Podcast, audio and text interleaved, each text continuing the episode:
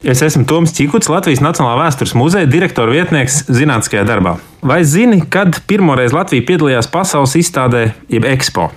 Latvijas starp diviem pasaules kariem bija visdažādākajiem starptautiskās sadarbības tīkliem saistīta ar citām Eiropas zemēm.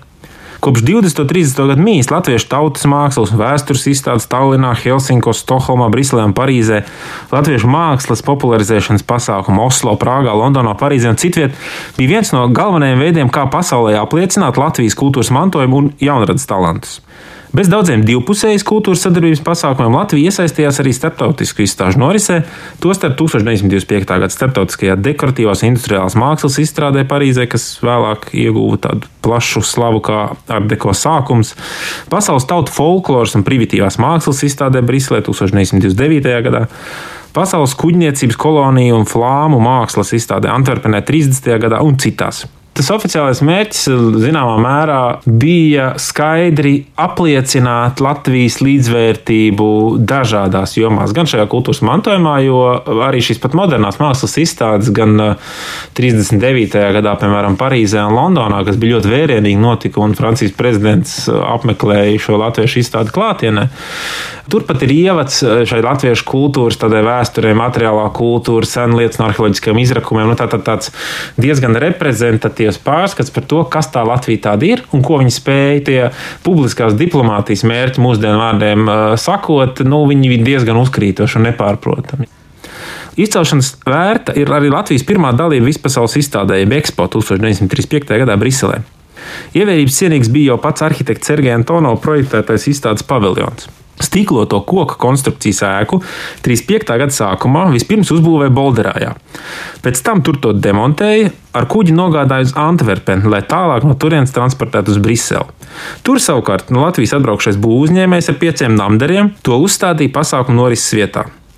Kā lepojās latviešu prese, paviljons celts no mūsu meža materiāliem, bet tā krāsots, ka ārēji šķiet no marmora. Latvijas paviljona ekspozīcijās uzsvars bija likts uz saimniecības sasniegumiem un eksportu. Desmit valsts iestādes, 40 uzņēmumu, kas piedalījās paviljona satura gatavošanā, radīja lauku celtniecību, lauksaimniecību, zvēju, Latvijas flotes lepnumu, tātad ledlaužu Krišāns Valdemārs modeli, propagandai turismu. Uzņēmuma stendos apskatē tika piedāvāta Kuzņeco fabriks trauki, apavu rūpnieka eglīša ražojumi, Belakorda plates, rozīšu krāsu fabriks ražojumi, fabriks kvadrāts gumijas izstrādājumi, arī pārtiks rūpniecības uzņēmuma veikums no sviesta un saldumiem līdz ķimelim un melnajām balzāmām.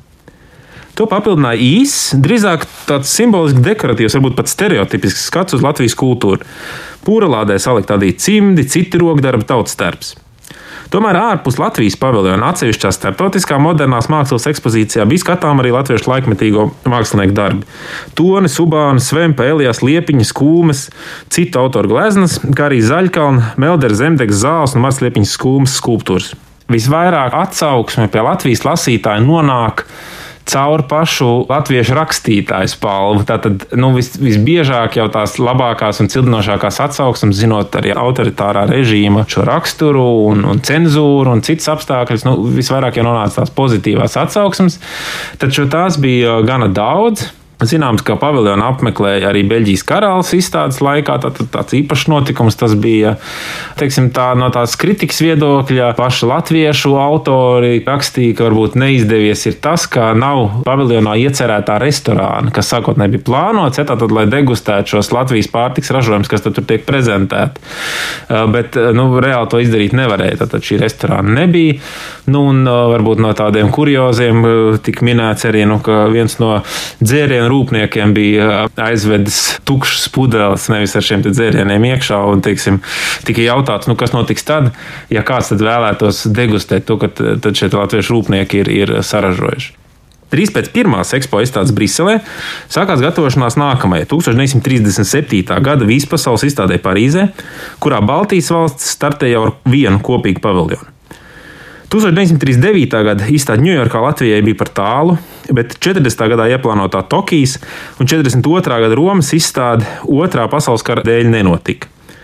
Vēl jau vairāk Latvijas okupācijas apstākļos uz nākamajiem 50 gadiem nācās aizmirst arī to, ka ar vilcienu brīvi iespējams nokļūt Varšavā, Berlīnē un Parīzē.